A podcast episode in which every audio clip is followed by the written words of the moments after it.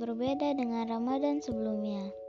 Ramadan kali ini semua dilakukan di rumah, seperti tarawih. Bazar Ramadan pun sepi, atau malah ada yang sudah ditutup. Kita pun tidak diperbolehkan mudik. Semua aktivitas seperti lomba dai cilik, lomba tafis dan tasin pun lewat internet. Semua itu memang harus dilakukan.